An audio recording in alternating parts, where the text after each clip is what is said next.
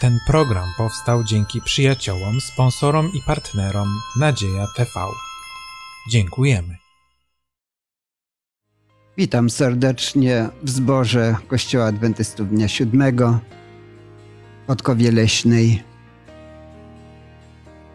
Dzisiaj będziemy mieli studium Pisma Świętego oparte na Ewangelii Mateusza. Zajmiemy się głównie działalnością najpierw Jana Chrzciciela, a później początkiem działalności naszego Zbawiciela Pana Jezusa.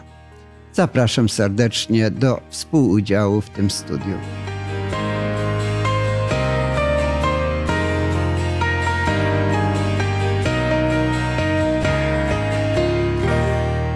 Dzisiaj w studiu będą brali udział Damian,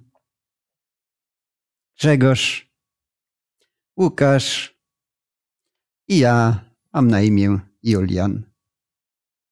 Nasze studium rozpoczniemy wspólną modlitwą, żeby Pan pobłogosławił to rozważanie, żeby było pożytkiem dla nas wszystkich. Drogi Najwyższy Panie, Boże, chcemy Ci bardzo podziękować za to, że możemy zebrać się na, na to studium Bożego Słowa. Prosimy Cię o to, abyś nas teraz w szczególny sposób błogosławił. Daj, Panie Boże, abyśmy umieli z tego słowa, które będziemy studiować, wyjąć to, co naprawdę jest najważniejsze, żeby to było błogosławieństwem dla nas, dla wszystkich internautów, którzy nas oglądają, a także, żeby było znakiem wywyższenia dla Ciebie. Prosimy Cię, Panie Boże, abyś był tutaj obecny i żebyś tam w tym wszystkim błogosławił przez imię Jezusa Chrystusa. Amen. Amen. Amen. Kiedy Jezus miał publicznie wystąpić, to udał się z Galilei do Judei, tam gdzie Jan chrzcił. I rozpoczął w jaki sposób swoją działalność. Od jakiego czynu? O, myślę, że warto byłoby wspomnieć jeszcze, że początek tego w ogóle wszystkiego to było nauczanie Jana Chrzciciela w duchu Eliaszowym, prawda, który wzywał do upamiętania, wzywał do zmiany myślenia i w tym właśnie momencie pojawia się na scenie dziejów Jezus Chrystus, który przychodzi do Jana po to, aby zostać przez niego ochrzczonym. I co najciekawsze, jest to przykład dany nam ludziom, aczkolwiek Jezus nie musiał tego chrztu przyjąć jako grzesznik, bo on był bezgrzeszny, czym wiemy, prawda? Ale dał nam to jako przykład mhm. na początku swojej misji. Właśnie myślę o tym chrzcie. To była, był taki ważny moment i dlatego też Jan wzywał ludzi do tego, żeby się chrzcili. Ale czy chrzcił wszystkich? Chrzcił tych, którzy da, dali się ochrzcić, może inaczej, którzy ro, rozumieli, czym ten chrzest jest i e, e, z czym się wią, wią, wiąże. To jest o tyle ciekawe, że wcześniej chrzest jako ta, ta, taki, to wiemy też z, z tradycji żydowskiej, był wykorzystywany głównie dla prozelitów, dla tych, którzy przychodzili do, do żydostwa po to, że, po to żeby w jakiś sposób przy, przyjąć wiarę w Boga Jahwe. Natomiast e, e, Jan Chrzciciel e, wychodzi jakby z tym samym wezwaniem do samych Żydów i mówi do nich, wam jest potrzebne takie samo nawrócenie, jak tym, którzy do, do was przedtem przechodzili. I wzywa do upamiętania, wzywa do tego, żeby zmienić swoje podejście, wzywa do zrozumienia tego, że, że każdy ma bardzo poważny grzech i że nadszedł czas, żeby ten grzech wy, wyznać. Mhm. Czyli co? Przed chrztem musiało być jakieś wyznanie, nawrócenie? Czy to takie ważne, czy po prostu, żeby ochrzcić się? No, e, bo mamy przykład faryzeuszów, saduceuszów, którzy przychodzili i Jan ich przegonił. Mówi, wy plemię wężowe, po coście tutaj przyszli? No a innych jednak chrzcił. To dlaczego tych nie, nie chciał ochrzcić, a innych chrzcił? No ja myślę, że przede wszystkim ważna jest tutaj mm, ta zmiana w charakterze najpierw. tam, kiedy Jan woła, upamiętajcie się, w Grece występuje to słowo metanoeite, tak? Czyli tłumaczymy to bardziej jako zmieńcie swoje myślenie, zmieńcie swoje podejście, zmieńcie swoje nastawienie. I wtedy, wtedy dopiero człowiek jest gotowy do tego, aby pójść krok dalej i wtedy dopiero mógł zostać ochrzczony, Mhm. prawda? Mhm. A z drugiej strony, dlaczego Jezus się ochrzcił w takim razie? Czy on też musiał zmienić swoje myślenie? Tutaj dał nam taki, taki przykład. Chociaż y, na pewno nie, nie musiał y, być ochrzczony, ale we wszystkim y, dał nam przykład i, i każdy powinien, jeżeli chce przejść tą drogę, tak jak Jezus, to każdy musi właśnie tak jak Jezus y, postąpić. A teraz jeszcze taki jeden moment. Y, Jan Chrzciciel mówi, wydawajcie owoce godne pokuty, czyli Mhm. dobre uczynki. Czy do zbawienia są potrzebne te dobre uczynki, czy zbawieni będziemy i tak dzięki temu, że Chrystus za nas umarł? Czy Jan może się mylił? Z uczynków to my nie będziemy zbawieni, ale nie da się być zbawionym bez uczynków. Może to brzmi Mhm. paradoksalnie, ale y, y, kwestia, y, mm, o której mówił Jan Chrzciciel i potem w bardzo podobny sposób prze, przecież Jezus na początku swojej misji też głosił tą, to wezwanie do, do upamiętania. To jest kwestia uczynków płynących z serca, a nie uczynków płynących z tradycji, z hipokryzji albo z jeszcze innych go, gorszych nawet po, po, pobudek. Pan Jezus chciał, żeby, żeby najpierw serce uległo zmianie, żeby człowiek zrozumiał w, w jakiej sytuacji i uczynki były efektem tej prze, prze, przemiany. To jest to, o czym wspominał też Da- Damian, że wpierw jest potrzebne odwrócenie świadome od tego, co jest złe, czyli uznanie swojej winy, odwrócenie się od niej. To jeszcze nie był chrzest z ducha, którym potem chrzcił Jezus Chrystus, ale, ale jest to chrzest, który miał jakby dać taki początek przemianie se, se, se, se, serca i to wezwanie szło do wszystkich, którzy mówili o sobie, że oni wiedzą, czym ten chrzest jest. Tak naprawdę Ewangelia, Ewangelia to jest dobra nowina, że zbawieni możemy być dzięki Bożej łasce, dzięki temu, co uczynił Jezus. No i tutaj mamy Jana Chrzciciela, jak gdyby no gdzieś chyba w Starym Testamencie jeszcze był, bo on grozi wprost. Już siekiera do korzenia drzew jest przyłożona. Wszelkie więc drzewo, które nie wydaje owocu dobrego, zostanie wycięte i w ogień wrzucone. To jest taki sąd. Jak się nie upamiętacie, to w ogień pójdziecie. Czy to należało tak mówić, czy to może Jan się mylił, błądził i zamiast głosić miłosierdzie, łaskę Bożą, to on tutaj mu groził sądem. Tutaj właśnie widzimy, jak starotestamentowe proroctwa ożywają w, y, w ustach Jana Chrzciciela. I y, to, co było, czyli Stary Testament, to nie jest rozdział zamknięty i do tego nie powinno się wracać, ale wręcz przeciwnie. Nie tylko, y, y, nie, nie tylko Jan Chrzciciel, ale również Jezus y, często w swoim nauczaniu mówił o, mówił o Starym Testamencie jako coś, co powinno być mm, nauczane. Mhm.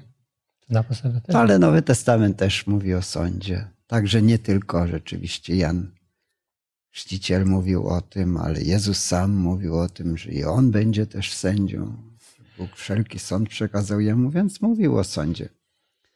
E, Może warto do, dodać jeszcze w tym miejscu to, że Jan też mówił w bardzo szczególnym kontekście e, cza, czasu, bo on też miał zadanie jakby przypomnieć ludziom, że Pan Bóg dał pewien czas narodowi, e, e, żeby zobaczyć owoce, tak? I jak, w jaki sposób me- Mesjasz będzie przy, przyjęty. I to mm, stwierdzenie o tym, że już siekiera do korzenia drzew jest przy, przyłożona, była zapowiedzią tego, że, że ten wynik wygląda nie najlepiej, a czas się ko, ko, kończy. y, nie, nie, nie wyobrażam sobie, żeby Noe, który musiał ileś tam tysięcy lat wcześniej głosić poselstwo też upamiętania, żeby no, mówił cały czas językiem miłości, bo e, może, e, może nim mówił przez długi czas, ale w pewnym momencie musiał też zacząć mówić językiem e, sądu, mówiąc o tym, że to się przecież musi kiedyś stać. Jeszcze chciałbym tutaj dodać właśnie tą myśl, że istotne jest to, że chrześcijaństwo, bo wielu ludzi, szczególnie myślę tutaj o protestanckich kręgach, myśli o czymś takim, że no to skoro mamy to zbawienie z łaski, prawda, to już teraz hulaj dusza, piekła nie ma, robimy co chcemy. Natomiast tutaj Nowy Testament y, nie zmienia też y, jakby tego spojrzenia na sąd w żaden sposób, no bo tutaj wyraźnie czytamy, że Jan mówi o tym, że już ta siekiera została przyłożona, prawda? I jeżeli ktoś nie wydaje owocu, to zostanie wyrzucony precz do ognia, więc jakieś owoce są od człowieka wymagane. Chociaż tak jak już Łukasz wcześniej wspomniał, to nie jest warunek konieczny do zbawienia, ale pewne owoce są od człowieka wymagane jednak, więc to nie jest tak po prostu, że Jezus Chrystus za nas załatwił całą sprawę i teraz robimy co chcemy. Tutaj na pewno też chodziło o to, że e, Izrael cały jako taki tak daleko odszedł od Boga i e, jeśli nie będzie tej pokuty generalnie w narodzie, to, to cały naród będzie wykorzeniony. Mhm. Tak, no ale oczywiście i każda jednostka, jeśli nie będzie wydawała owoców, no to taki sam koniec, odrzucenie będzie. Jeszcze ten moment chciałbym podkreślić, e, który wydaje mi się bardzo interesujący. Mówimy o tym takim poselstwie na czasie. Łukasz wspomniał, że Noe głosił co innego, no Jan głosił co innego. I możemy się zastanowić, chociaż powstaje pytanie, dlaczego właśnie głosił to, przybliżyło się Królestwo Boże. W jakim sensie przybliżyło się? Gdzie to Królestwo Boże było? Dlaczego on takie poselstwo głosił? No jest e, lekcja bardzo piękna, płynąca z, z właśnie szczególnie Ewangelii Mateusza, że Jezus mówi o królestwie, w pierwszansce zresztą mówi o królestwie bo, bo, Bożym, tym jeszcze niewidzialnym z zewnątrz, ale tym, które już jest człowiekowi do, do, do, dostępne, między innymi wła- właśnie przez chrzest, czyli jak, jak, jakby przez przyjęcie Pana Boga do serca i przez przemianę, którą Duch Święty jest w stanie, do, której, którą Duch Święty jest w stanie do, dokonać w tym sercu. I wśród wspólnoty wierzących, to takie królestwo Bo, Boże w pewnym se, se, sensie realnie istnieje. Oczywiście nie mówił o tym, że, ono, że to królestwo Bo, Boże jest dostępne na wyciągnięcie rę- ręki w kontekście historii, bo to jeszcze jest nawet przed nami dzisiaj, prawda? To, to realne. Ale w, se, w, se, w sercu jak najbardziej. Czyli królowanie Boga to jest Królestwo Boże. Królowanie Boga w sercach ludzkich dzięki temu, co głosił On i co głosił Jezus Chrystus. Mm. E, No i też, jeśli czegoś się uczymy od Jana Chrzciciela, to dla mnie to jest zdumiewające, jakiego on użył porównania. Ja i Jezus. Jezus powiedział o Janie, że to jest największy człowiek, jaki się z niewiast urodził. Mm. A co Jan o sobie powiedział w porównaniu z Jezusem? Tak, że po prostu nie jest godny. Yy, tu jest Sandałów Tak, nosić. dokładnie, dokładnie. Chciałem to powiedzieć. Nie jestem godzien nawet sandałów nosić się tam. Inne mówią rozwiązać rzemyka u jego sandałów. No sandały to tak brudne były często, bo te nogi się tam brudziły na tych zakurzonych drogach. No i Jan szukał jakiegoś porównania. Ja, ja to, to, to nie wiem, nawet nie jestem godzien mu tych sandałów nosić. Tutaj widać człowieka naprawdę bogobojnego, nawróconego. Myśli o sobie skromnie. Inni myśleli, że to jest wielki człowiek. Nawet Herod go poważał. Król. A on mówi, a kim ja jestem? Ja nie jestem godzien nawet nosić sandałów. Ja tak myślę, że czasami my tak sobie mówimy, o Jezusie, to tamto. To jest przecież wielki Stwórca nas, Pan Wszechświata. kim my jesteśmy. Z jakim szacunkiem powinniśmy się odnosić do naszego Zbawiciela. No dobrze. Jezus przyszedł do Jana, został ochrzczony i Duch Święty był nad nim, stąpił w postaci gołębicy, a później jest powiedziane, że gdzieś zaprowadził Jezusa. No jak myślimy, gdzie Duch Święty powinien zaprowadzić Jezusa? No Biblia mówi o tym, że zaprowadził go na pustynię. Żydzi by powiedzieli w tamtym cza- cza- czasie, że na, na tron do, Jeruzalem, do, do, do Jerozolimy, ale się stało inaczej. No właśnie, no. To też jest pytanie trudne. Możemy pogdybywać trochę, ale dlaczego zaprowadził Jezusa na pustynię? No tam jest powiedziane, e, dlaczego zaprowadził, ale to taka odpowiedź, aby go kusił diabeł. Trochę dziwne. Mhm. Zaprowadził go duch na pustynię, aby go kusił diabeł. No a my się modlimy, nie wódź nas na pokuszenie. A tu Duch Święty robi coś innego. Dlaczego? No. Myślimy trochę, chociaż nie mamy pełnej odpowiedzi. Myślę, że dużo można by właśnie zastanawiać się i myśleć o tym fragmencie. Natomiast e, myślę, że Jezus w pewien sposób też tutaj został jakby przygotowywany do swojej misji. On tam spędzał czas na osobności, 40 dni e, na poście, na kontakcie ze swoim ojcem i w dalszej konsekwencji jest ta konfrontacja z szatanem, w której mm, no, musiał wygrać, musiał wygrać z pokusą. A jakbyśmy cofnęli się do księgi Genezis, no to widzimy tutaj, że to był punkt, na którym rozpoczął się, można byłoby powiedzieć, cały ten problem. Bo w Edenie, kiedy tam był Adam z Ewą, no i Ewa w końcu zerwała to jabłko, tak? E, Owoc. E, O właśnie, przepraszam. To tak się trochę utrwaliło w tej naszej mentalności, że to było jabłko, chociaż Biblia tego nie mówi. Ale właśnie do czego zmierzam? E, W środowisku przygotowanym przez Boga, w idealnym środowisku, gdzie mieli pełno wszelkiego rodzaju owoców, gdzie mogli skorzystać ze wszystkiego, jednak ta pokusa wygrała.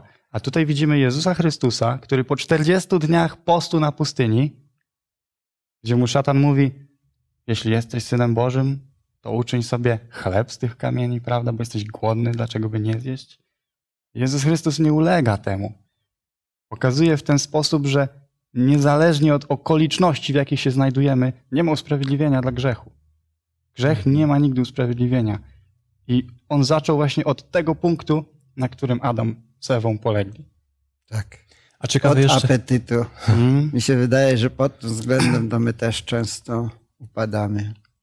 Ciekawe jeszcze jest to, że właśnie tak jak wspomniałeś, Damian, e, pierwsze kuszenie e, Adama i Ewy to było w takich warunkach praktycznie idealnych. Tutaj e, widzimy, jak szatan kusi mm, Pana Jezusa na pustyni, a więc zupełnie odmienne warunki i odmienna sceneria od tego, co, co było na początku. I tutaj widzimy właśnie, jak w jakich warunkach musiał Jezus e, w ogóle znosić te wszystkie mm, pokusy.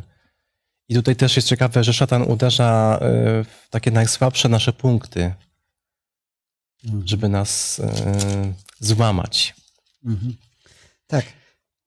Ja taką mam też swoją myśl, mianowicie Duch Święty zaprowadził na pustynię i dobrze, bo Jezus tam sam, nikt mu nie przeszkadzał, mógł się modlić, pościł, był w bliskim kontakcie ze swoim Ojcem i to go wzmocniło. Jezus w pewnym momencie powiedział, gdy chodziło o wypędzenie demona, że ten rodzaj nie wychodzi jak tylko przez modlitwę i post. Czyli w walce z szatanem modlitwa i post są takie ważne. Czasami modlitwa, ale może nieraz trzeba i postu. To dobry przykład dla nas. No, może właśnie wtedy, tak Jezus mówił, wejdź do komórki swojej, albo dzisiaj na pustynię to trudno nam się udać, ale do komórki możemy tam, żeby nikt nam nie przeszkadzał i tam w modlitwie powierzyć się Panu. No i jaką bronią posługiwał się Jezus w tej walce? Słowem Bożym. Słowem Bożym. I to we wszystkich trzech, trzech przy, przy, Mhm. przy, przy, przypadkach. Chociaż szatan się też raz Słowem Bożym pos, posłużył niestety. Tak, no więc nawet gdy przyjdą nas zwieść Słowem Bożym, to jednak jak się dobrze zna Słowo Boże, prawdy Boże, to można odeprzeć, nawet jeśli ktoś tam podstępnie będzie nam coś sugerował w jakiś sposób taki wybiórczy, cytując Słowo Boże. Może warto jeszcze w tym miejscu też odnieść się do, do tego, że ta scena na, na pustyni jest o tyle cie- ciekawa, że ona ukazuje nie, niejako w, e, kolejny etap konfliktu mie, mie, mie, między Bogiem a szatanem. I to też jest interesujące. Nie, nie mamy zbyt wielkiego wgl- wglądu w to, co działo się w niebie. Pe- Pewne informacje, ale też jakby pokazuje, że te skłonności z jednej strony u Jezusa, z drugiej strony u szatana, idą, idą, idące w dwie zupełnie odmienne strony, są cały czas bardzo wi, wi, widoczne i widać też już skutki tych skłon, skłon, skłonności. Księga Izajasza, 14 ro, rozdział i tam wiersz e, 12, 13, 14. O jakże spadłeś z nieba, ty gwiazdo jasna, synu Jutrzenki. Powalony jesteś na, na ziemię pogromco narodów. A przecież to ty wmawiałeś w, swoje, wma- wmawiałeś w swoim se- sercu, wstąpię na, na niebiosa. Swój tron wyniosę ponad gwiazdy Boże i zasiądę na, na górze narad na najdalszej pół, północy. I Tak. zrównam się Najwyższy. Najwyższym. A Jezus y, skłonny był, tak jak apostoł pa, pa, Paweł pisze w liście do Fi- Filip, Filipan, zrobić dokładnie coś odwrotnego. Mimo tego, że w naturze Bo, Bo, Boga wyrzekł się wszystkiego, co, co się właściwie wiązało z tym, wszystkich przywilejów, stał się jednym z nas, ze, ze sług, prawda? Y, I tutaj jest jakby odsłona kolejnego kon, konfliktu. Jezus w niebie wy, wygrywa, no i potem podczas tego dru, dru, dru, drugiego, tej drugiej odsłony na ziemi, chociaż jest to już wielki wysiłek, ale też Jezus zwy, zwycięża w, tym, w, tym, w tej e, ba, batalii, robi to dla nas. Tak. Czy to takie ważne dla chrześcijan? Bo niektórzy mówią, jak będziesz taki pokorny, to cię ludzie stłamszą z duszą, nic nie osiągniesz. Na Pismo Święte jednak nas wzywa, żebyśmy brali przykład z Jezusa, który był kimś wielkim, a przyjął postać nawet nie tylko człowieka, ale nawet mówi sługi czy niewolnika. Czyli tak bardzo się uniżył, że w stajni się urodził. No. Mhm. To nie wstyd, że taki Bóg przyszedł w stajni i byśmy powiedzieli tak, komuś przedstawiali naszego Boga, no nasz Bóg to fajny jest, w stajni się urodził. Pomyślał, cóż to za Bóg, cóż to za król. Czy rzeczywiście nam też to potrzebne jest takie do czego? Ja myślę, że właśnie nam często nie dostaje jako naśladowcom Jezusa Chrystusa do tego, bo gdzieś tam próbujemy realizować swoje ambicje, inne takie rzeczy, ale to, co Jezus nam pokazuje poprzez swoją postawę jest niesamowite. No, jak już powiedzieliśmy, to był Bóg wszechświata, On miał moc zrobić wszystko, On miał wszystko, a tutaj przychodzi na tą ziemię, uniża się, daje się opluwać, daje się szykanować i tak dalej. Coś niepojętego. Postawa w ogóle przeciwna do tego, co reprezentował sobą szatan. I tak, nie wiem, no, zastanawiam się może, e, w jaki sposób moglibyśmy to odnieść do takiego naszego dzisiejszego życia w takich prostych sytuacjach codziennych. E, Czasem jest tak, że popatrzmy, Jezusowi Ale przecież czy to jest konieczne dla nas? jest to konieczne. Oczywiście, że jest to konieczne, żebyśmy brali z tego przykład i żebyśmy te, te zasady, tą pokorę, którą pokazuje Chrystus, żebyśmy każdego dnia w swoim życiu wcielali w praktykę. W czym? Bo na przykład Jezusowi należało się wszystko, tak? On mógł mieć wszystko jako król świata, miał wszystko, ale czasem, nie wiem, może taki przykład, jestem u przyjaciela, e, przyjaciel udostępniam jej swoje mieszkanie na jakiś czas, mówi słuchaj, e, to jest teraz twoje, ty możesz tutaj robić co chcesz, e, możesz tam, nie wiem, korzystać sobie z jedzenia, z prądu i tak dalej. Prosta rzecz. E, Nie wiem, idę pod prysznic, prawda? I teraz, czy ja będę ten prysznic godzinę albo dwie godziny czasu puszczał, dlatego że mam to za darmo, bo mi wolno, bo mi się należy, bo mi przyjaciel pozwolił, czy jednak po prostu zrobię tam, co mam zrobić i, i zakończę tą sprawę. Prosta taka sytuacja życia codziennego i myślę, że mm, właśnie takie sytuacje powinniśmy tą naukę pokory wcielać. Nie, że wszystko, co nam się w pewien sposób należy, już powinniśmy z tego korzystać. W, w naj, po prostu y, jakby wyciągać z tego wszystko, co się da. Nie. Po prostu tyle, ile tobie potrzeba w danym momencie, ale nic ponadto. Zastanawiające jest to, że ludzie wolą taką postawę skromną, pokorną, niż takiego wywyższania się. Nawet Jezus powiedział, że kto się wywyższa, to ten będzie poniżony. Pamiętam, jak dawno, dawno temu, kiedy moja żona jeszcze studiowała w Krakowie, e, czekałem na nią. No, Jeszcze nie była moją żoną, więc e, wystawałem tam niedaleko uczelni i na jednej ze ścian e, była podobizna jednego z profesorów i było tam mniej więcej tak napisane, już nie powtórzę dokładnie. Profesor taki, takie tam różne osiągnięcia i na końcu, a przy tym wszystkim był jeszcze bardzo pokorny. Zapamiętałem to, bo pomyślałem sobie, no, do czego te ostatnie słowa? Komu to potrzebne?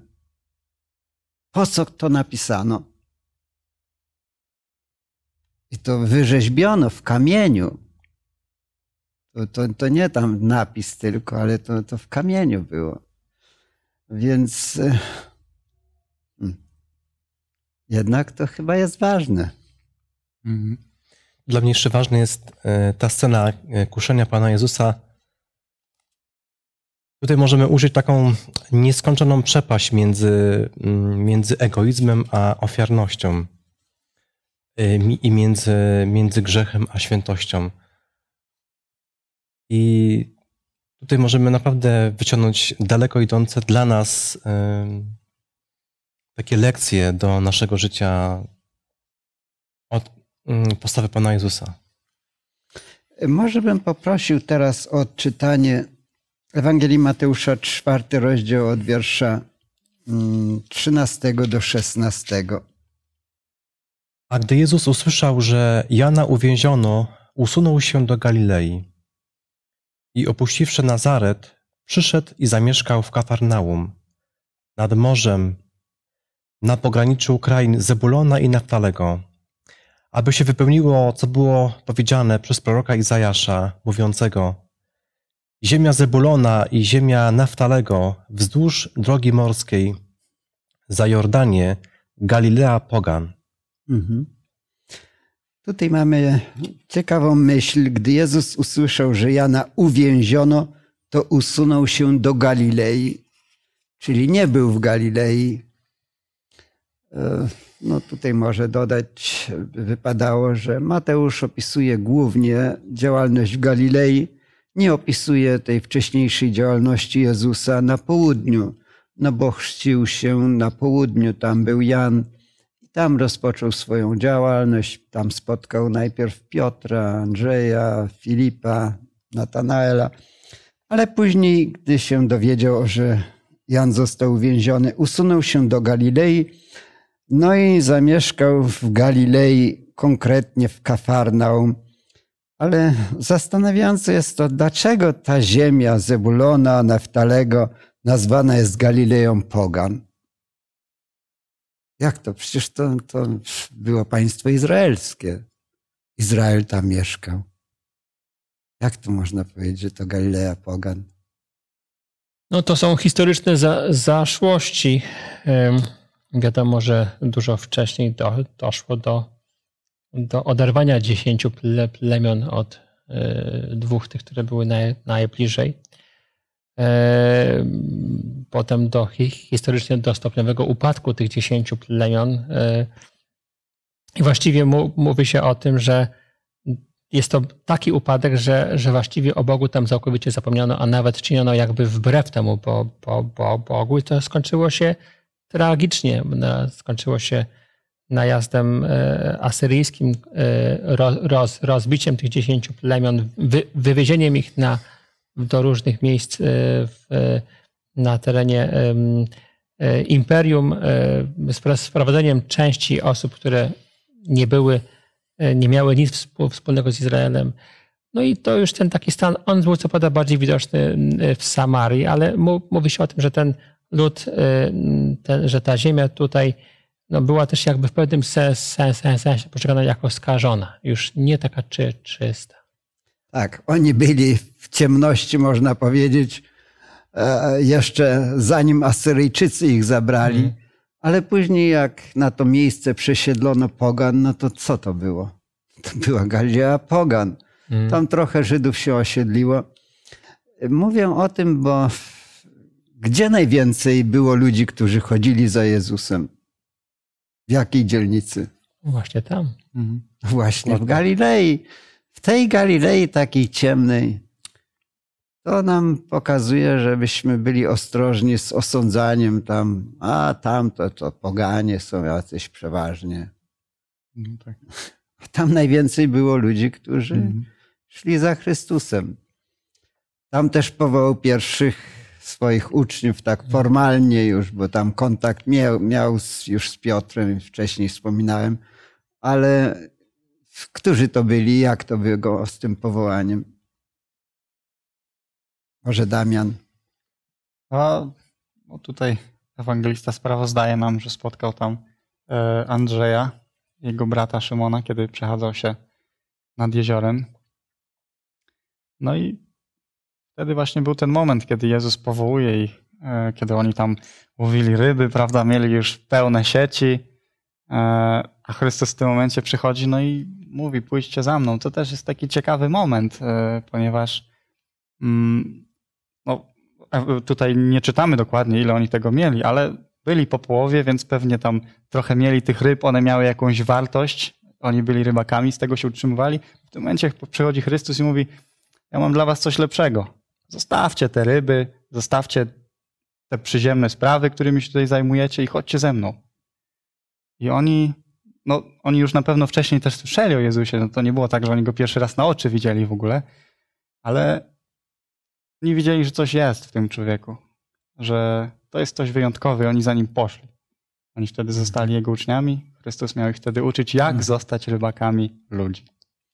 No tak, ale jak popatrzymy na tych pierwszych apostołów Piotra, który zaparł się Jezusa.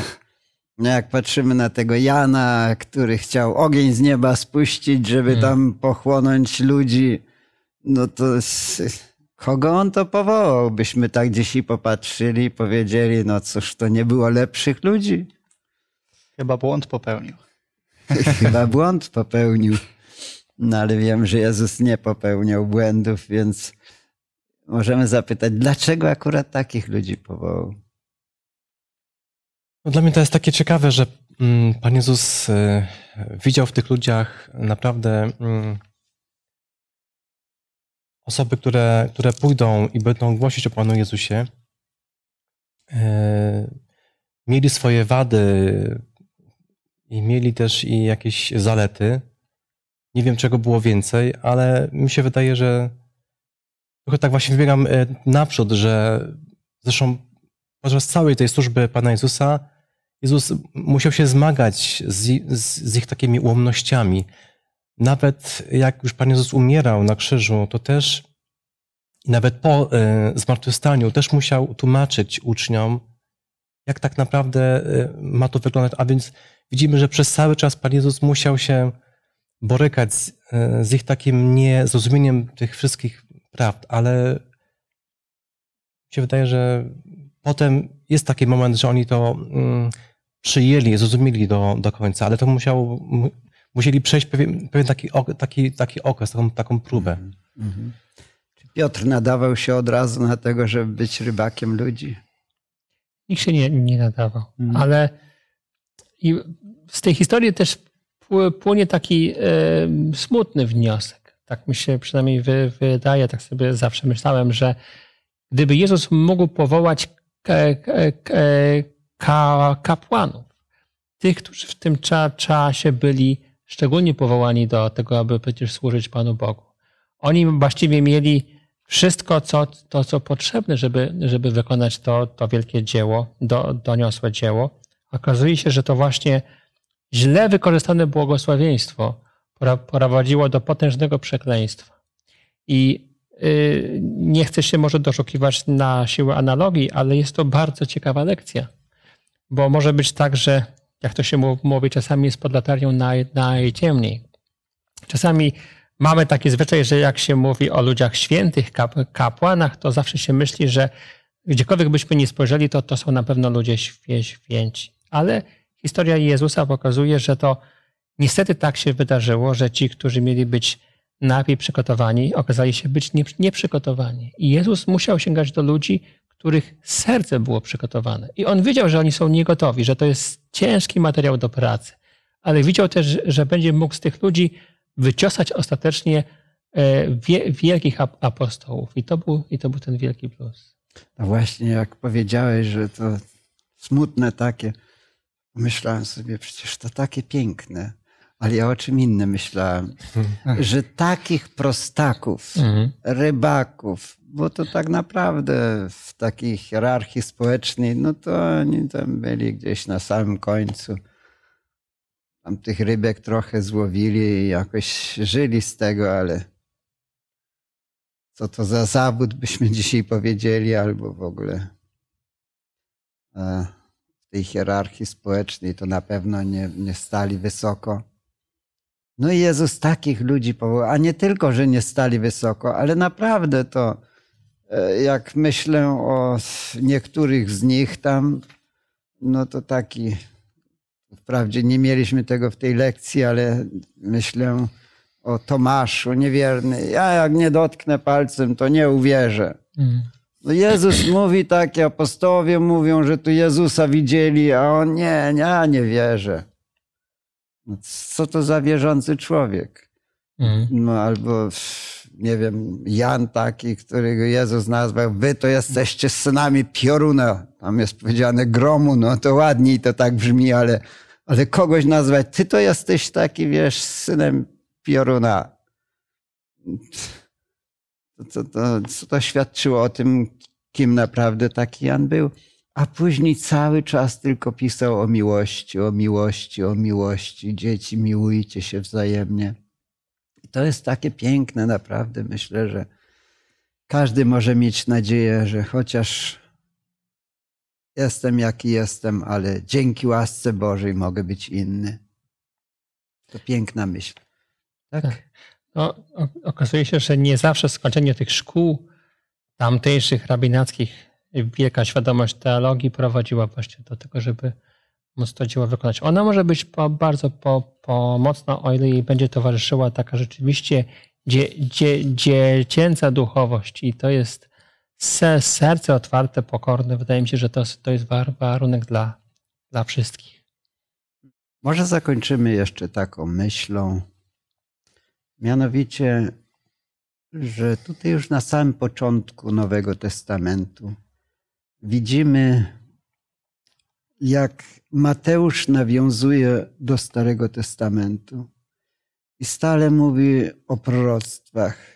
Cytuje nawet to proroctwo o Janie Chrzcicielu i mówi, żeby to się wypełniło proroctwo, które jest napisane o tym głos wojącego na pustyni. Gotujcie drogę pańską. Bo tak powiedział Izajasz prorok. Albo to, jak było tutaj cytowane, ziemia zabulona, Galilea pogan i tak dalej. No, widzimy, jak często cytuje te prostwa Starego Testamentu. Widać więc tą jedność. E, dla nas powinno być, powinien być Stary Testament tak samo ceniony, jak i Nowy Testament, bo to wszystko pochodzi od Boga i tak jak Mateusz, przecież ewangelista, apostoł, cenił sobie, cytował sięgał do tego Pisma Świętego Starego Testamentu. No i my powinniśmy sięgać. Także chociaż studiujemy teraz Ewangelię Mateusza, to nie zapominajmy również o czytaniu Starego Testamentu. To wszystko może być wielkim błogosławieństwem dla nas. Amen. Amen. Zakończymy nasze studium wspólną modlitwą. Damian, można Cię prosić. Panie nasz Boże, dziękujemy Ojcze za to studium. Dziękujemy Panie za to, że Ty dajesz nam taką możliwość, że mamy Twoje słowo, że możemy je czytać, że możemy o nim rozmawiać, Panie. To jest wspaniałe błogosławieństwo. Ojcze, proszę Ciebie o nas, o wszystkich ludzi, którzy dzięki studiowaniu Twojego słowa mogą zmieniać swoje życie. Tak jak dzisiaj studiowaliśmy te wszystkie tematy, że Panie, Twoje słowo jest czymś, co prowadzi do zmiany myślenia, że dzięki Twojemu słowu możemy wygrywać nad pokusami szatańskimi, że Twoje słowo ma moc nieograniczoną w zmianie ludzkiego serca, Panie. Za wszystko Tobie dziękujemy i chcemy oddać Tobie cześć, Ojcze, w imieniu Jezusa. Amen. Amen. Amen.